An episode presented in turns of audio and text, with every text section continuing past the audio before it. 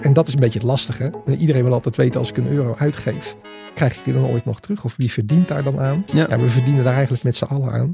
Eh, eh, en dat is heel lastig toe te rekenen. Maar je moet het wel doen, daar ben ik echt van overtuigd. Welkom bij Money Matters, een podcast over geld en impact, waarin Social Finance NL je meeneemt door het landschap van impact investeren en je bijpraat over de impact-economie. Hi en leuk dat je weer luistert naar Money Matters. Mijn naam is Ruben Koekoek, host van deze podcast. En vandaag bespreek ik weer een van de twaalf essays uit het boek De Nieuwe Polder. Iedere essay beschrijft een voorbeeld van hoe geld weer de goede kant op kan rollen, zodat het wordt besteed op een manier die bijdraagt aan een duurzame, inclusieve, welvarende en schuldenvrije toekomst. Vandaag bespreken we het essay over schulden en daarvoor is essayist Geert van Dijk bij me aangeschoven. Geert is directeur van het verenigingsbureau van de Nederlandse Vereniging voor Volkskrediet, ook wel NVVK. De koepelorganisatie voor schuldhulpverlening. Daarnaast is hij tien jaar directeur geweest van Divosa, de landelijke vereniging van managers in het sociaal domein. Geert is begonnen als sociaal-economisch historicus in het onderwijs. Hij heeft gewerkt in werknemersverzekeringen bij de vakbond en daarna in het sociaal domein bij verschillende gemeentes. En hij heeft de essay geschreven met Marco Florijn, de voorzitter van de NVVK. Geert, welkom. Dankjewel. Ja, we gaan het over schulden hebben in, uh, in Nederland. Of problematische uh, uh, schulden. Daar heb je het essay over geschreven met, met Marco, jullie voorzitter. En we gaan aangeven waarom daar de schoen wrikt in Nederland. En wat voor oplossingen jullie zijn mee, meegekomen. En, en neem een kijkje naar de, naar de toekomst. Om te beginnen, waar, misschien aan de hand van een voorbeeld, waar, waar knelt de schoen in Nederland? Waarom zijn er zoveel gezinnen en huishoudens met problematische schulden? Nou, de afgelopen periode zijn we uh, steeds meer tot het inzicht gekomen dat het heel veel mensen aan voldoende middelen van bestaan ontbreekt. De bestaansonzekerheid in Nederland is groter dan altijd werd aangenomen. Mm. Dat heeft ook de uh, commissie laten zien die uh, moest adviseren aan het kabinet over de aanpak van armoede en problematische schulden in Nederland als het gaat over bestaans, bestaanszekerheid. Um, dat is een breed samengestelde club geweest, waar onder andere ook het Nibud in heeft geparticipeerd. Uh, Natja Jongman, de armoedeprofessor in Nederland. Mm -hmm. uh, en die hebben een hele rij adviezen gegeven aan het, uh, aan het kabinet om tot een, ja, een betere vloer te komen.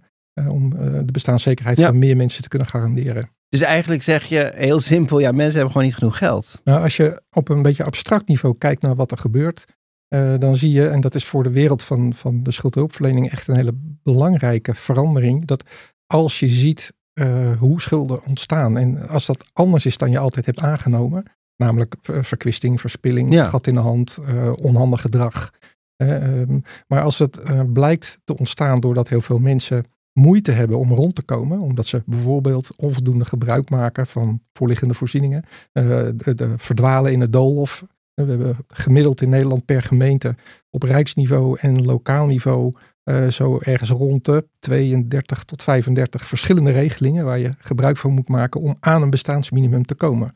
Nou, voor de meeste mensen is dat uh, een volkomen doolhof. Ja. Uh, dus er is een niet gebruik van, CBS schat 60 tot 70 procent. 60 tot 70 procent van de regelingen wordt niet gebruikt omdat mensen de regeling niet weten te vinden. Ja, of gedeeltelijk. Dus Ja. dan worden van sommige voorliggende voorzieningen gebruik gemaakt, maar uh, van een aantal andere niet. Waardoor mensen eigenlijk onder het bestaansminimum moeten leven.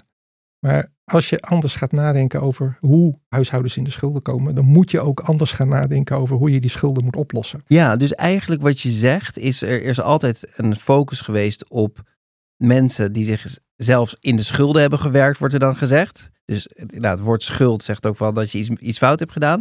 Maar eigenlijk zeg je nu, maar ook in het essay, van kijk naar nou het systeem en de weefhoud in het systeem. In plaats van kijk naar degene die, die, het, die in die situatie zit en die daarmee uh, moet dealen. Precies, dat is uh, in de kern uh, zeg maar de andere manier van denken die langzaam maar zeker groeit.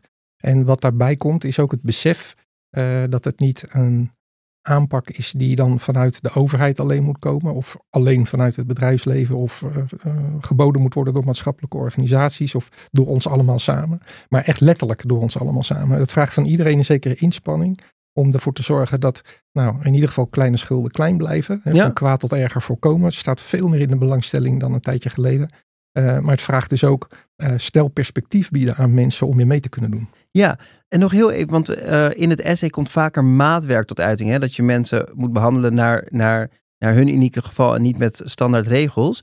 En eigenlijk beschrijf je drie verschillende mensen met schulden. De onoplettende, de niet-willers en de niet-kunners. Kan je iets meer vertellen over die drie groepen? Ja, sommige mensen uh, hebben gewoon heel slecht overzicht. Ja. Weten, weten, weten de weg uh, niet, uh, niet goed te vinden. En dat is soms ook gemakzucht of, of een zekere luiheid van ik, ik zal wel zien. Ja. Ik zal het wel tegenkomen.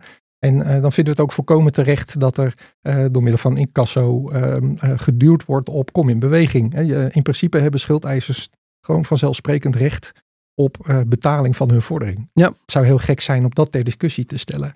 Uh, maar er is ook een groep mensen uh, die dermate uh, verdwaalt in dat oerwoud wat ik net noemde van, van voorliggende voorzieningen of überhaupt echt niet in staat is als gevolg van, nou noem ze maar op. we hebben een coronacrisis gehad, we hebben een energiecrisis gehad, we hebben een inflatiecrisis gehad. En dat, dat zijn allerlei omstandigheden die voor een individu niet of nauwelijks te veranderen zijn. Ja. Dat is ons allemaal overkomen. En sommige mensen zijn daar kwetsbaarder voor dan anderen.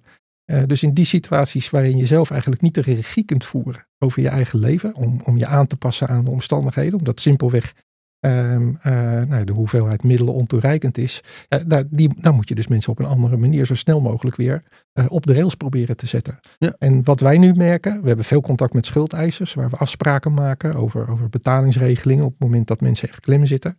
Wat wij merken is dat ook aan die kant er steeds meer besef komt hoe belangrijk het is dat je mensen vooral ziet als partijen met wie je een relatie hebt, die je graag uh, wilt bestendigen. Dus goed betalende, tevreden klanten is ook heel erg in belang van bedrijven. Ja. Uh, dus het zo snel mogelijk mensen weer zodanig op de rails zetten dat ze gewoon tevreden, goed betalende klanten worden. Uh, ja, dat is heel erg belangrijk. Dus het is meer dan ehm, nou ja, alleen maar aanmaningen sturen met als ondertoon je moet betalen pannenkoek. Maar het gaat er echt om dat je probeert om um, nou, uh, met mensen mee te denken. En dat blijkt heel effectief. Precies, en de, in de, in de essay staat ook een voorbeeld van Vattenfall. Hoe jullie daarmee, uh, of die onderdeel is van zo'n convenant en hoe, hoe die daarbij uh, optreedt. Ja. maar dus, dus duidelijk, dus je hebt de, de onoplettende, nou die kan je met een betalingsrekening in, in goed overleg. Je hebt de niet-kunners, die je net ook beschrijft. Die heeft weer een andere behandeling nodig. En je hebt de niet-willers. En die moet je dan misschien wel Zeker. van... Er, is een, er is een groep mensen, en die is door de geschiedenis natuurlijk ook altijd geweest, die heel moeilijk te motiveren zijn om mee te werken aan een oplossing. Ja. Um, de, de, de, ramingen over om hoeveel mensen gaat dat dan, die lopen nogal uh, uiteen. Maar dat lijkt toch een wat kleinere, harde kern te zijn. Het is vooral de grote groep niet-lukkers die ja. in de problemen zit. En die kennen we eigenlijk nog onvoldoende. En, de, en, en het probleem is dat we de niet-lukkers vaak behandelen zoals we de niet-willers behandelen. En dat is de, voor die niet-willers de goede behandeling, maar niet voor die hele grote groep niet-lukkers. Precies. Dat is een mooie samenvatting. Nou, en we, we gaan het over verschillende oplossingen hebben die je die, die, uh, in, het, uh, in het essay beschrijft. Um, en dan heb jij het over drie manieren om, om te zorgen dat mensen niet in de grote problematische schulden komen. Namelijk de financiële APK, de sociale leningen en kleine schulden klein houden noem je dat dan. Maar misschien is het goed om, om het even langs te gaan. Want die financiële APK, we kennen een APK van een auto die uh, uh, onderhoudbeurs moet uh, krijgen. Maar wat is een financiële APK? een financiële APK is een goed gesprek over geld. waar sta ik nu en hoe mhm. ziet mijn financiële plaatje er voor de komende periode uit? Ja. En dat doen we nog te weinig op te weinig plekken waar er heel veel aanleiding is om het daar wel over te hebben. Maar wat is zo'n aanleiding? Een aanleiding is bijvoorbeeld uh, een scheiding. Uh, ja. de, in principe de geboorte van een kind. Uh, of de komst van een verwachte komst van een kind. problemen met ziekte of invaliditeit. problemen met het al dan niet behouden van je baan of het overstappen van baan A naar baan B.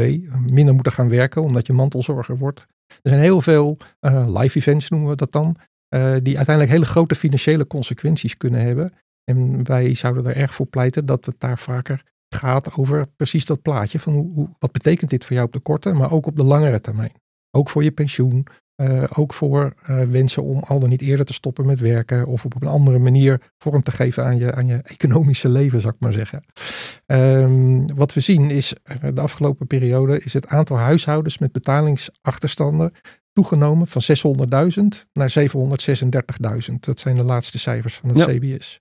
En een probleem voor ons is dat we heel veel mensen die we heel goed kunnen helpen met um, uh, het oppakken van financiële problemen, niet of pas heel laat in beeld hebben. Ja.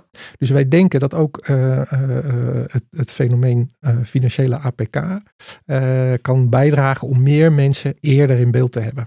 Zodat er ook nog wat meer te doen is aan het oplossen of voorkomen van verder oplopen van, van problemen. En dan kun je denken aan die live events die ik net noemde. Maar er zijn nog veel meer vindplaatsen waar mensen het moeilijk vinden om te praten over geld. Ja. De huisarts met zijn 10 minuten gesprekjes, die kan wel vermoeden dat je onder andere stress hebt en hoofdpijn omdat je wellicht financiële problemen hebt. Hij, kan daar signalen voor krijgen, maar dat gesprek wordt zelden of nooit gevoerd. En uh, dat geldt ook voor uh, de, de, GGZ. Uh, eh, dat geldt voor allerlei vormen van contact wat er is tussen potentiële hulpvragers en, en, en mensen die daarmee in contact zijn. Uh, er is een gêne om te praten over geld. En er is vaak gebrek aan inzicht in wat je daaraan kunt doen om mensen warm door te verwijzen naar de goede ondersteuning of hulp. Precies, want zoals ik het lees is dat die financiële APK's niet zozeer alleen voor als je uh, een schuld hebt, maar bij live events om inzichtelijk te krijgen van wat is nu mijn financiële situatie en wat kan ik doen om te zorgen dat die gezond uh, uh, blijft. Zeker. En dat heeft ook te maken met, uh, en dat is ook wel echt een beetje een Nederlands probleem, ook als je dat Europees vergelijkt. Bij ons hebben schulden de neiging om behoorlijk stijl op te lopen. Ja. En dus een kleine schuld wordt heel snel een knellende schuld, wordt heel snel een problematische schuld. Dus dat, dat, dat vraagt twee dingen. Hè? Uh, een aanpak om actief ervoor te zorgen dat kleine schulden klein blijven en niet zo idioot hard oplopen. Maar het betekent ook, hoe eerder daarbij, hoe beter. Ja. Dus wij moeten bij het ontstaan van problemen proberen om het probleem aan te pakken. En dat is eigenlijk die, uh, dat derde punt wat je noemde. Hè? Kleine schulden klein houden. En ook de vroegsignalering die daarbij uh, past. Ja, dat is echt een hele belangrijke ontwikkeling. Vroegsignalering is bij wet geregeld voor de vaste lastenpartners sinds twee jaar. De vaste lastenpartners bedoel dan energiemaatschappijen, de woningcorporaties. Energie, water, uh, de ziektekostenverzekeraars. Dus die moeten bij wet het aan de gemeente doorgeven als er een klant een uh, een betalingsachterstand heeft? Ja, niet bij elk tientje achterstand. Maar wat zij moeten doen is uh, op het moment dat zij aannemelijk kunnen maken dat ze er alles aan hebben gedaan om iemand te laten betalen, maar het lukt niet. Ja. Dan moeten ze dat doorgeven aan de gemeente. En wat bijzonder is aan deze wet is dat gemeenten ook de verplichting hebben om iets met dat signaal te doen. Mm, ja. Maar zoals vaker bij wetgeving waarbij ook gemeenten een zekere mate van autonomie behouden, uh, is dit vastgelegd, maar niet precies hoe. Ja. dus je ziet daarin ook hele grote verschillen. En dat is eigenlijk ook heel interessant een gemeente als Amsterdam, die al langer zelf ook experimenteerde met vroegsignalering, veel ervaring daarmee heeft. Die hebben nu een opvolgpercentage van, van een hulpaanbod aan mensen waarvoor een signaal binnenkomt van meer dan 20 procent. Uh, maar er zijn ook nog gemeenten die de 1 procent nog niet halen. Dus dat is echt een, eh, een, een, een, mooie groene weide om van elkaar te leren. Van wat doet Amsterdam dan? Waardoor zij inmiddels op uh, eh, 1 op de 5 hulpvragers zitten. Die bereid is hulp te accepteren. Want veel mensen ja, hebben er helemaal geen zin in. Die zijn er te trots voor. Of die zien het probleem nog niet. Of die denken ik los het eerst zelf nog wel op. Of uh, ik wacht wel tot het nog erger wordt. Of die wantrouwde gemeente. Sorry? Of die wantrouwde gemeente. Ja, dat is natuurlijk een, een extra ook imagoprobleem. Ook wat wij als, uh, als uh, landelijke organisatie hebben. Je vraagt eigenlijk aan mensen die uh, heel vaak toch minder goede ervaringen hebben met de overheid. Denk aan de toeslagen, ja. de toeslagenaffaire. Uh, kijk ook naar de aanloop naar de energietoeslag, waar veel mensen van hebben afgezien, omdat ze bang waren dat ze hem toch op enig moment weer terug zouden moeten betalen. Uh, dus ja, je vraagt eigenlijk om een stap te maken naar hulpverleners die ja, in de ogen van veel mensen toch vooral ook diezelfde overheid zijn. Uh, nou, dat betekent dus ook dat we daar creatief over na moeten denken. En daar zit ook in het kader van andere partijen uh, mee laten doen in dat, in dat meer uh, gedetailleerde netwerk om, om, om mensen op te sporen, dat we daar niet alleen maar overheidsambtenaren voor nodig hebben. Ja. Er zijn een paar hele mooie initiatieven die hele goede resultaten opleveren. Bijvoorbeeld de inzet van ervaringsdeskundigen. Dus mensen die het zelf mhm. hebben meegemaakt, die aanbellen. Die hebben andere gesprekken aan de keukentafel dan een opgeleide professional in het sociaal domein, zou ik maar even zeggen. Ja. Uh, wat we ook zien is uh, nou, hele leuke initiatieven van nou, bijvoorbeeld ehm, eh, eh, een, eh, een, stichting in Rotterdam, die, die toch echt succesvol aan het worden is en nu ook aan het uitkijken is naar uitbreiding van, van de aanpak naar, naar andere steden. social debt, ja. dat is helemaal gericht op het kleine schulden klein houden, specifiek bij jongeren. Die hebben ervaren dat een schuld zeg maar tot 2, 2.500 euro vaak nog te regelen valt op een manier waardoor een jongere eigenlijk ja, leert om met geld om te gaan. Dus er wordt een regeling getroffen, jongere betaalt af, maar wordt daarbij heel sterk geholpen. allerlei keuzes in het leven, maar heeft ook een heel grote autonomie. Wat ik daar heel interessant vind, is dat je dan als jongere een keer de keuze maakt: ga ik nu naar de McDonald's of ga ik 8 euro aflossen? Dat doe je allemaal via een app, de, gewoon dat dingetje wat in je broekzak zit. En dat blijkt voor een bepaalde doelgroep ontzettend effectief. Dan heb je helemaal niks met opbouwwerkers, jeugdhulpverleners of andere ingewikkelde uh, instanties te maken. Maar met gewoon een coach die voor jou bereikbaar is en een app waar je elke dag bij kunt. Nou, dat is een hele mooie, welkome aanvulling op het hele pakketje wat er, eh, wat er bestaat aan, uh, aan hulpverlening. En tenslotte heb je het ook over sociale leningen. Dat klinkt misschien een beetje tegenstrijdig dat er weer een lening bij komt. Wat is zo'n sociale lening en hoe kan een gemeente een sociale lening inzetten om hun, haar inwoners te helpen? Het grappige is dat uh, de NVVK is opgericht in 1932. Daar komt ook die wat archaïsche afkorting vandaan, hè, van volkskredietbanken. Mhm. Uh, maar dat was natuurlijk ook ten tijde van een hele grote wereldwijde crisis.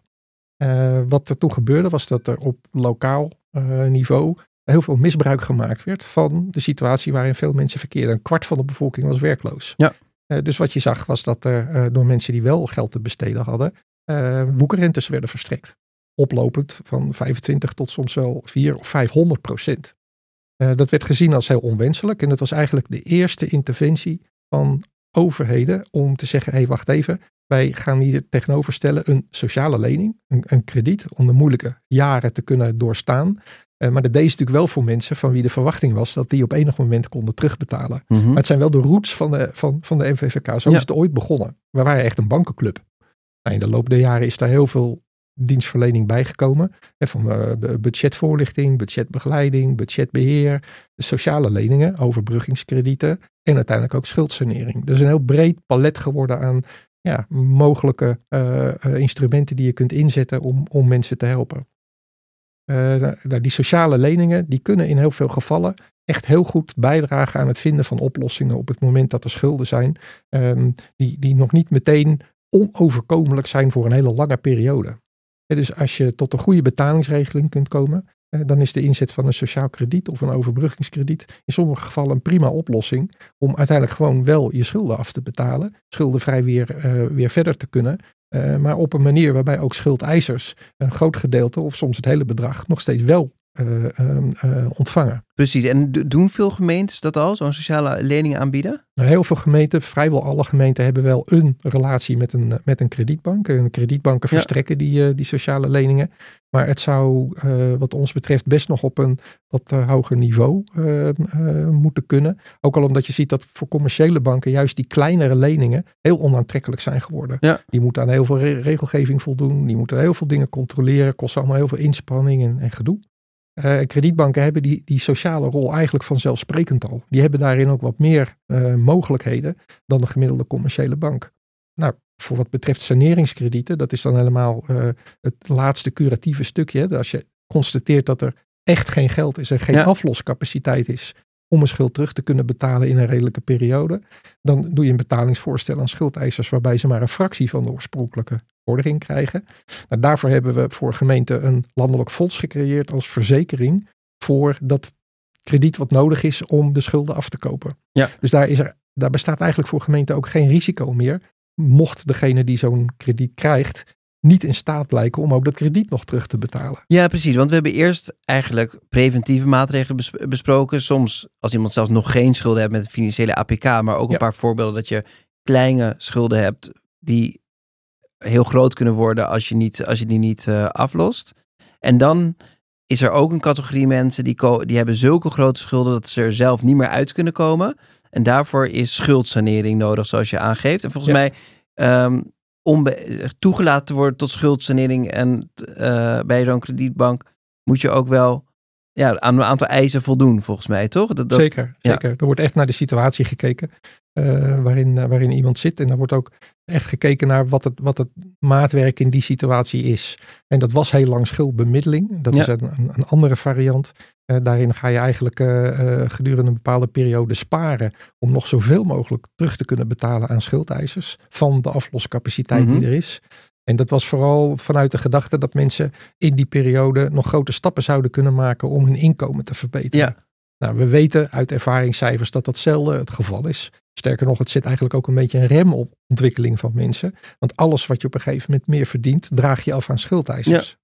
En uh, daar zit een zekere logica achter. Maar het werkt in de praktijk natuurlijk niet als een stimulans voor mensen om uh, heel ondernemend om zich heen te kijken of werk te zoeken of dingen te gaan doen die aanzienlijk meer geld opleveren. Nog los van het feit dat de meesten dat überhaupt niet, niet doen, niet kunnen. Ja. Want we hebben toch heel veel mensen uit lagere, uh, nou, zes groepen, mensen met, met lage inkomens, laag opleidingsniveau, vaak niet, niet goed taalvaardig, die, ehm, die we in, in, in de schuldhulp tegenkomen. Nou, voor die mensen is de praktijk helemaal niet dat die in een hele korte periode enorme ja. stappen maken in, in een inkomenspositie. Ja. Dus daarvoor in de plaats hebben we uh, schuldsanering uh, uh, ontwikkeld.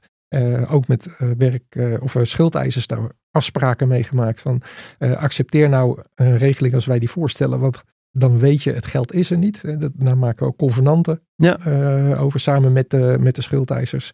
Uh, en ja, dat leidt tot veel snellere hulp. Nog maar één schuld. Je hebt niet die hele. Ja. Gemiddeld hebben mensen 14, 15 schuldeisers in één schuldenpakket. Mhm. Dus er blijft er nog maar eentje over. Die, alle schulden worden overgenomen, gesaneerd. één partij aan wie je aflost. ja, dat, dat geeft enorm veel ehm, rust. Uh, minder drukte van, uh, van uh, incassopartijen die er nog tussendoor glippen. Of deurwaarders die er nog Ja. tussendoor glippen. Dus dat is echt de manier van werken geworden. dus wij zeggen nu echt, ja, het is schuldsanering tenzij. als je nou een piloot tegenkomt die een paar ton schuld heeft, maar binnenkort wel een baan za- Mhm. gaat vinden, dan hoef je die schuld natuurlijk niet te saneren. Dat snapt iedereen. Nee. Maar voor heel veel mensen geldt dat vooruitzicht helemaal niet. Dus als een betalingsregeling niet meer werkt, dan eh, geven jullie eigenlijk aan van nou zo'n zo'n schuldbemiddeling, uh, dat, is niet, dat is eigenlijk geen goede op, opzet. Dan zou het schuldsanering moeten zijn, waardoor je mensen echt de kans krijgt om op relatief korte periode weer schuldenvrij te zijn en hun leven weer kunnen oppakken. Ja, denk dan vooral ook aan waar, waar we eerder mee begonnen. Hè. Als je anders gaat nadenken over hoe mensen in de schulden zijn gekomen, dan moet je dus ook anders nadenken Ja. over hoe je ze zo snel mogelijk weer perspectief biedt en mee laat doen. En dan is een, een kortere periode en ehm, eh, ehm, eh, nou, vooral aandacht gericht op uh, het, het, het, scheppen van mogelijkheden om weer gewoon mee te kunnen doen. Dat is, dat is veel belangrijker dan uh, het, het, mensen langdurig laten voelen uh, dat ze nog verplichtingen hebben die je, die je tot op het gaatje moet nakomen. Daar heeft het accent te lang te veel op gelegen. Ja, want dat, en dat schrijf je ook in het essay. Hè, minister Schouten had een heel puntenstelsel om haar doel, de halvering van mensen in armoede en problematische schulden, te realiseren. En één daarvan was dus als er zo'n schuldsanering plaatsvindt, dat er niet meer drie jaar lang moet worden afgelost, maar nog maar 18 maanden, de helft van de tijd. Ja. Um, nou, volgens mij zijn jullie voorstander daarvan, als ik dat goed lees. Maar dan moet er ook wel wat gebeuren om dat in goede banen te leiden. Kan je daar Precies. iets meer over vertellen? Ja. Ja, de, de, de snelheid waarmee dat uh, uiteindelijk ook is ingevoerd, heeft ons allemaal een beetje overvallen. Mhm. En dat komt helemaal niet uit uh, de minderlijke schuldhulpverlening, waar de meeste van, van onze leden en gemeenten zich mee bezighouden. Maar dat komt uit de wettelijke schuldsanering. Ja. Dat is de WSNP. En de WSNP, dat, is, uh, de, dat zijn echt zaken die, die naar de rechter gaan, waarbij de rechter kijkt, wat, wat is hier nou precies het verhaal, op welke manier gaan we deze schuld oplossen. En daarvan is gezegd, de, we gaan terug van 36 naar 18 maanden, want het duurt te lang. En gemiddeld uh, hebben mensen al een aantal jaren problemen voordat ze in aanraking komen met schuldhulp. Nou, voordat ze dan uiteindelijk in de WSNP, in een WSNP-traject belanden en door de rechter beoordeeld zijn. Ja, voor je het weet beslaat het een periode van 7 tot 10 jaar. Mm, en dan ja. hebben mensen dus 7 tot 10 jaar, nou ja, los van slapeloze nachten, echt wel permanente uh, onzekerheid en, en, en, en stress. Dat is niet bevorderlijk voor, voor maatschappelijke deelname. Uh, maar de MSNP en de WSNP, die uh, hebben wel met elkaar te maken. Ook al is de MSNP eigenlijk alleen maar uh, informeel. Wat je doet is een regeling proberen te treffen ja. tussen partijen. Dat is ook wat, wat onze leden doen. Hè. Wij zijn bemiddelaar. Wij proberen met schuldeisers en met uh, de, de hulpvrager uh, ja, te komen tot een regeling die, die perspectief biedt op een schuldenvrije toekomst. Maar als ons dat um, niet goed lukt, ja, dan blijft de WSNP als een soort stok achter de deur bestaan, waar, je, waar je in terecht kunt. Dus wij kunnen niet zomaar um, bedenken dat wij dan 36 maanden blijven hanteren, terwijl de WSNP 18 maanden is. Die, die, die, dat zijn toch communicerende vaten, die twee vormen van oplossingen. nou, dus wij zijn ook overgestapt naar 18 ehm, maanden. we hebben ook geprobeerd om daar landelijke afspraken over te maken. Zullen we dat doen op hetzelfde moment dat de WSMP daarmee gaat werken? Ja. maar dat was wel een overval. want we hebben dat niet goed voorbereid. We Mm. hebben daar niet van tevoren heel lang over na kunnen denken wat daar alle consequenties van zijn. Dus dat hebben we achteraf moeten doen. Nou, voor sommige grote veranderingen is het af en toe nodig. Mhm. Eh, maar het was wel even puzzelen, want ehm, we merkten dat schuldeisers zeiden, hé, hey, wacht even. Wij krijgen nu natuurlijk ook nog maar de helft van, Ja. dat, van dat, eh, dat, dat schadeloosstellingsbedrag. En dat was niet de grootste zorg. Dat, de, dat, ver- dat verbaasde ons in eerste instantie. Maar die zeiden, ja hoor, eh, dat is de helft van een beetje en blijft nog steeds een beetje. Dat is niet waar wij wakker van liggen. Maar hoe zorg je er nou voor dat mensen niet elke twee jaar opnieuw op de stoep staan? Ja. Dat is onze zorg. Dus dat heeft ons nog een keer weer op het spoor gezet dat je echt maatwerk moet leveren. Dat je moet kijken naar wat is, wat is de positie van deze hulpvrager. Eh, hoe groot achten wij de kans dat hij, als hij eenmaal geholpen is, prima verder kan met zijn leven en het prima redt. Denk aan mensen die, die last hebben gehad van de coronacrisis, die, eh, die gedupeerd waren door de, door de toeslagaffaire.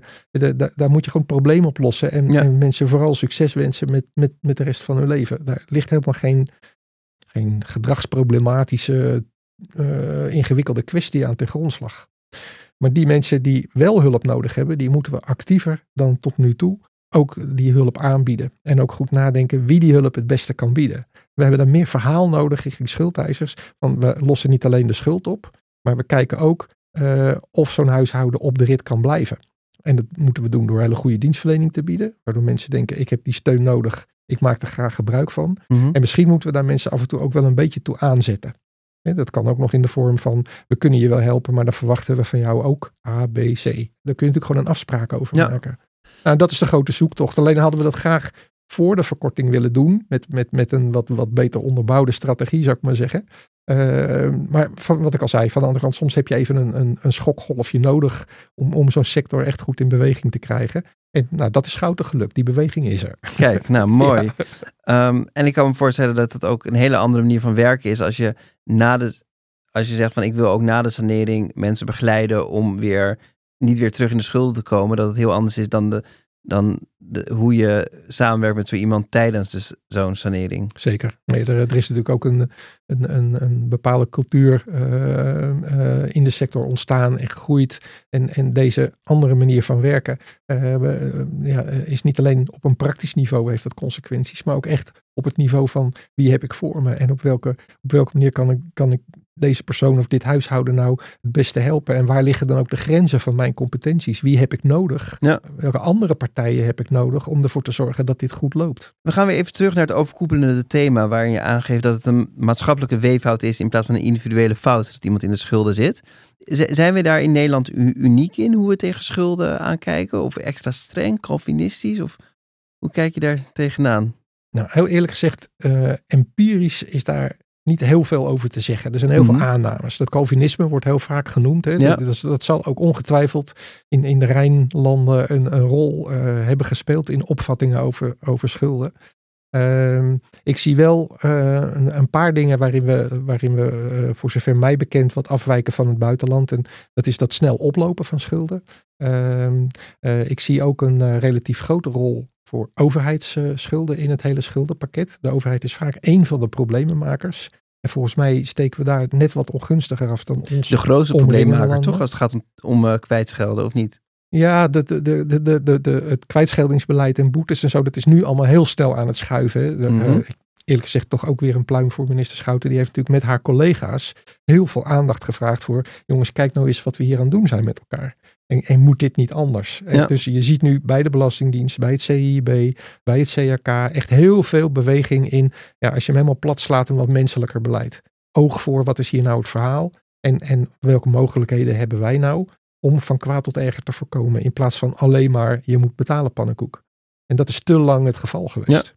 Met boetes, met verhogingen, met rentes en opslagen. Waarbij het zure is, en dat is echt heel zuur, dat mensen met een hele lage afloscapaciteit in verhouding niet alleen veel langer moeten terugbetalen, maar daarmee ook een veel hoger terugbetalen dan mensen die het met een korte klap kunnen regelen. Ja. Dus we discrimineren daar ook nog eens een keer, zeg maar, de zwakkere groepen in de samenleving, ja, die, eh, ja, van wie we uiteindelijk grotere offers vragen dan mensen die wel geld hebben om een snelle regeling te treffen.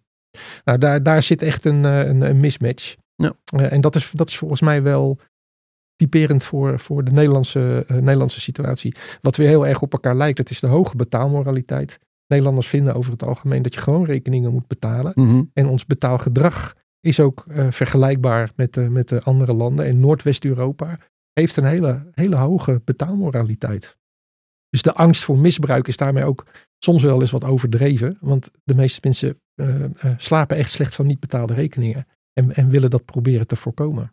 En hoe kijk je dan aan? Want in, de, in dat weefsysteem heb je natuurlijk ook bedrijven met bepaalde verantwoordelijkheden verleden jaar of is de gokmarkt gelegaliseerd, waar je eigenlijk heel makkelijk met je telefoontje echt allerlei... Ja, echt schandalig. Ja? Ja, tuurlijk. Natuurlijk. Er zijn opeens 14 miljoen gokkastjes in broekzakken verdwenen. Het is zo laagdrempelig en zo eenvoudig. En met name jongeren worden zo massief uh, verleid om dingen te doen die uiteindelijk hen natuurlijk niks opleveren, maar wel de partijen die dat gokken organiseren. Ja. Ik vind het echt, echt helemaal fout zoals die ontwikkeling is geweest. En uh, we zien het ook. We zien ook meer jongeren in geldproblemen. Gokken is echt heel gewoon geworden. Want legaal en in je broekzak. En de toto bijvoorbeeld, dat komt vanuit de overheid, toch? Of? Jazeker. Ja, Ja. Nee, het, uiteindelijk is, uh, zijn het door de overheid gelegaliseerde bedrijven die ook Ja. gokbelasting betalen. Uh, in, inmiddels ook met een behoorlijke opbrengst. Maar de, de, de gokmarkt is uh, gestegen van 1 naar 4 miljard. En, en daar worden niet de gokkers rijker van. Nee. En dat, is, dat is gewoon, het, is een, het is gewoon dom. Ik vind het een hele een, een domme manier om, om uiteindelijk ja, mee te werken aan een financieel gezonder Nederland. Daar is, daar is gokken nooit de oplossing voor. En die legalisering die, heeft echt verkeerd uitgepakt. Alle cijfers wijzen dat ook uit. Want de illegale markt is natuurlijk ook gewoon gebleven. Die, je kunt nu nog steeds via allerlei sites, ook op de andere die er al waren en die illegaal zijn, nog steeds blijven gokken. Ja, precies. Dus het argument was, anders gaat de illegaliteit in, laten we het legaliseren, ja. dan kunnen we het controleren. Maar dat heeft. Ja. Het is nu en en. aan. En Ja. dat legaliseren heeft ook nog eens teweeg gebracht dat nou, in eerste instantie eh, allerlei bekende Nederlanders Ja. hun eh, gezicht eraan eh, mochten uitlenen. Nou, daar is inmiddels een halt toegeroepen, want iedereen is toch wel geschrokken van de effecten van Ja. die legalisering. Nou, laten we er niet het allergrootste punt van maken, maar het is een, het is een hele belangrijke bijzaak dat we, dat we echt iets doen aan, eh, aan, aan de organisatie van die gokmarkt. Want dit is niet de goede weg. En een ander eh, segment wat heel erg in opkomst is, is natuurlijk betalen op, eh, op de pof. Ja, Afterpay, Ja. Eh, nou, eh, echt letterlijk, letterlijk dit weekend. eh, ik, ik, ik moest met een dochter even langs de H&M. Er staan drie meiden voor mij, 14, 15 jaar denk ik. Twee hebben eh, eh, een, een leuk shirtje in hun hand. En ik hoor het gesprek. eh, joh, gewoon doen man. Je, kan, je hoeft niet nu te betalen. Je kan, je kan straks eens betalen. Dat doen wij ook. Dus het is helemaal, helemaal geen probleem. Doe nou gezellig mee, weet je. Het is zo, hè, je durft ook nooit, weet je wel. Het is, Mhm. toch gaaf. Zo- Zo'n gesprekje. En ik voelde me, nou, ik heb echt tegen dat meisje gezegd, goed hoor. Eh, even vasthouden. Ah, je moet iets kopen als je het kan betalen. Ja. En niet op de pof. Want uiteindelijk heb je jezelf ermee. Het lijkt allemaal heel simpel. Maar als jij na twee weken, in sommige gevallen na vier weken, dat bedrag niet hebt betaald, wordt er gewoon 15% rente gerekend. Er worden gewoon opslagen doorberekend. Je gaat gewoon boeterentes betalen. Het is echt een slecht idee. Maar wat ik dan eigenlijk hoor is aan de ene kant doet de overheid best wel goed als het gaat om, om het werk. ehm, als mensen schulden hebben, dat dat beter gaat om, die, om uit die schulden te komen. Zoals bijvoorbeeld eh, de halvering van die, van die looptijd van het saneringskrediet. Maar aan de andere kant zetten we de, de sluizen wel wagenwijd open om te zorgen dat vooral jongeren door, die, door het legaliseren van gokken en door betaling op de pof, dat die jongeren schulden krijgen. Of zie ik Ja. dat verkeerd? Nee, dat, dat, dat klopt. Ik denk dat dat een terechte waarneming is. Maar we leven natuurlijk ook wel in een verleidingseconomie. Ja. De, de, de economie is ook wel heel erg gebaat bij maximaal prikkelen om, eh, ja, om te consumeren en om te kopen. En dat is sowieso al in de wereld van armoede en schulden natuurlijk een, permanente, eh, een permanent gegeven. Eh, je, je, je vraagt van mensen om weerbaar te zijn tegen al die verleidingen. Eh, die soms echt eh, in, een, in een lastige situatie zitten. Eh, dus ehm, eh, verstandig is natuurlijk om op het moment dat je heel weinig geld hebt. en je krijgt je salaris of je krijgt je uitkering. dan ook heel goed te plannen in hoe je daarmee omgaat. Maar voor veel mensen is de verleiding enorm om als jij al twee verjaardagen van kinderen hebt overgeslagen te denken. En nou koop ik een keer gewoon die reusachtige teddybeer van 200, 200 euro. Die zetten we in een hoek van de kamer.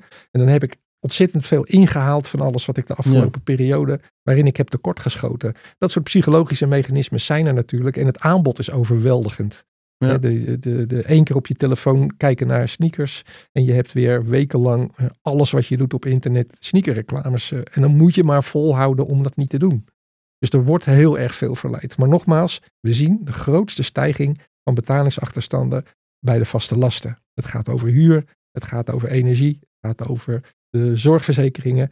Daarin merken we vooral dat mensen knel komen te zitten. En op een gegeven moment ga je gaten met gaten vullen. Is dat ook de prioriteit wat je een toekomstig nieuw kabinet zou meegeven? Als het Zeker. er ooit komt? Ja. Nee, zeker. Ik denk, eh, de, de Carola Schouten heeft een hele mooie basis gelegd. Eh, Die heeft ook eh, ertoe bijgedragen dat er nu afspraken worden gemaakt om de dienstverlening van gemeenten naar een, een wat hoger niveau, een hoger gemiddeld niveau te tillen. Sommigen doen het echt voortreffelijk, anderen lopen daar echt nog wel wat in achter. Nou, dat moet veel meer op eenzelfde niveau komen. Daar, daar is een heel pakket afspraken voor gemaakt om dat met elkaar te gaan realiseren. Gaan, laten we vooral doorgaan op die lijn, want dat is de bottom line. De maatschappelijke kosten van schulden zijn echt immens hoog. Dus elke euro die we besteden aan het proberen op te lossen van een schuld, levert minimaal anderhalf tot twee euro op. En dat is niet reken jezelf rijk met eh 40 jaar uit de bijstand of zo. Dat is gewoon op de korte klap. eh, De effecten eh, binnen een half jaar op het oplossen van een schuld zitten echt in die orde grootte. Besparing op zorgkosten, besparing op GGZ-kosten, besparing op de WMO. Op aan alle, en dat is een beetje het lastige. Iedereen wil altijd weten als ik een euro uitgeef, krijg ik die dan ooit nog terug? Of wie verdient daar dan aan? Ja. Ja, we verdienen daar eigenlijk met z'n allen aan. Eh, eh, en dat is heel lastig toe te rekenen. Maar je moet het wel doen, daar ben ik echt van overtuigd. Kijk, mooie, mooie samenvatting. We hebben het over de problematiek gehad, de oplossingen. ehm, en ook de, nou, dat, dat we als maatschappij als geheel profiteren als we die oplossingen implementeren. Ik vond dat jullie het zelf ook mooi hadden samengevat met de brede ommezwaai van een morele en justitiële benadering naar een veel pragmatischere en zakelijke aanpak maakt het mogelijk dat huishoudens snel schoon schip kunnen maken. Ook een mooie sa- samenvatting van, eh, van jou, Marco. Ehm, we gaan door eh, met eh, onze vaste rubriek De Uitsmijter. Wat moeten we vooral niet meer doen? Wat smijt Money Matters het liefst vandaag nog het raam uit? Nou, we hebben het net eigenlijk al besproken. We moeten echt eh, iets doen aan het positieve imago van gokken. Dat is, hele, dat is echt een hele eh, snelle quick win. En eh, het belangrijkste wat we eigenlijk moeten doen, dat is er niet, dat we er niet van uitgaan dat mensen het er zelf naar gemaakt hebben. Maar dat we wat meer durven vertrouwen op dat mensen echt hun best doen om gewoon hun zaakjes netjes op orde te hebben. Dat willen de meeste mensen het liefst. Eh, en als we iets meer vertrouwen hebben in dat dat de drijfveer is van mensen, ja, dan, dan hoeven we ook iets minder argwanend te zijn en een, een, een krankzinnige uitvraag te doen naar bewijsmateriaal voor echt werkelijk alles. Eh, maar dat, dan kunnen we ja, wat constructiever helpen oplossen van problemen. Dankjewel Geert voor dit eh, mooie gesprek. Graag gedaan. Daarmee zijn we aan het eind gekomen van deze aflevering. Vond je dit een leuke en interessante podcast? Geef ons dan 5 sterren op Spotify of iTunes of laat een recensie achter. Ehm, je kan ook het boek vinden in boekwinkel of online. De Nieuwe Polder, waar je dit essay en 12, 11 andere essays in kan, eh, kan lezen. Ehm, bedankt voor de productie, Daniel van der Poppen van Spraakmaker Media. Redactie, Daphne Sprecher, Sam Wansing en Egidio Bundel. Mogelijk gemaakt door Cirkel van ABN AMRO, Vriendenloterij en het Oranje Fonds. Tot de volgende keer.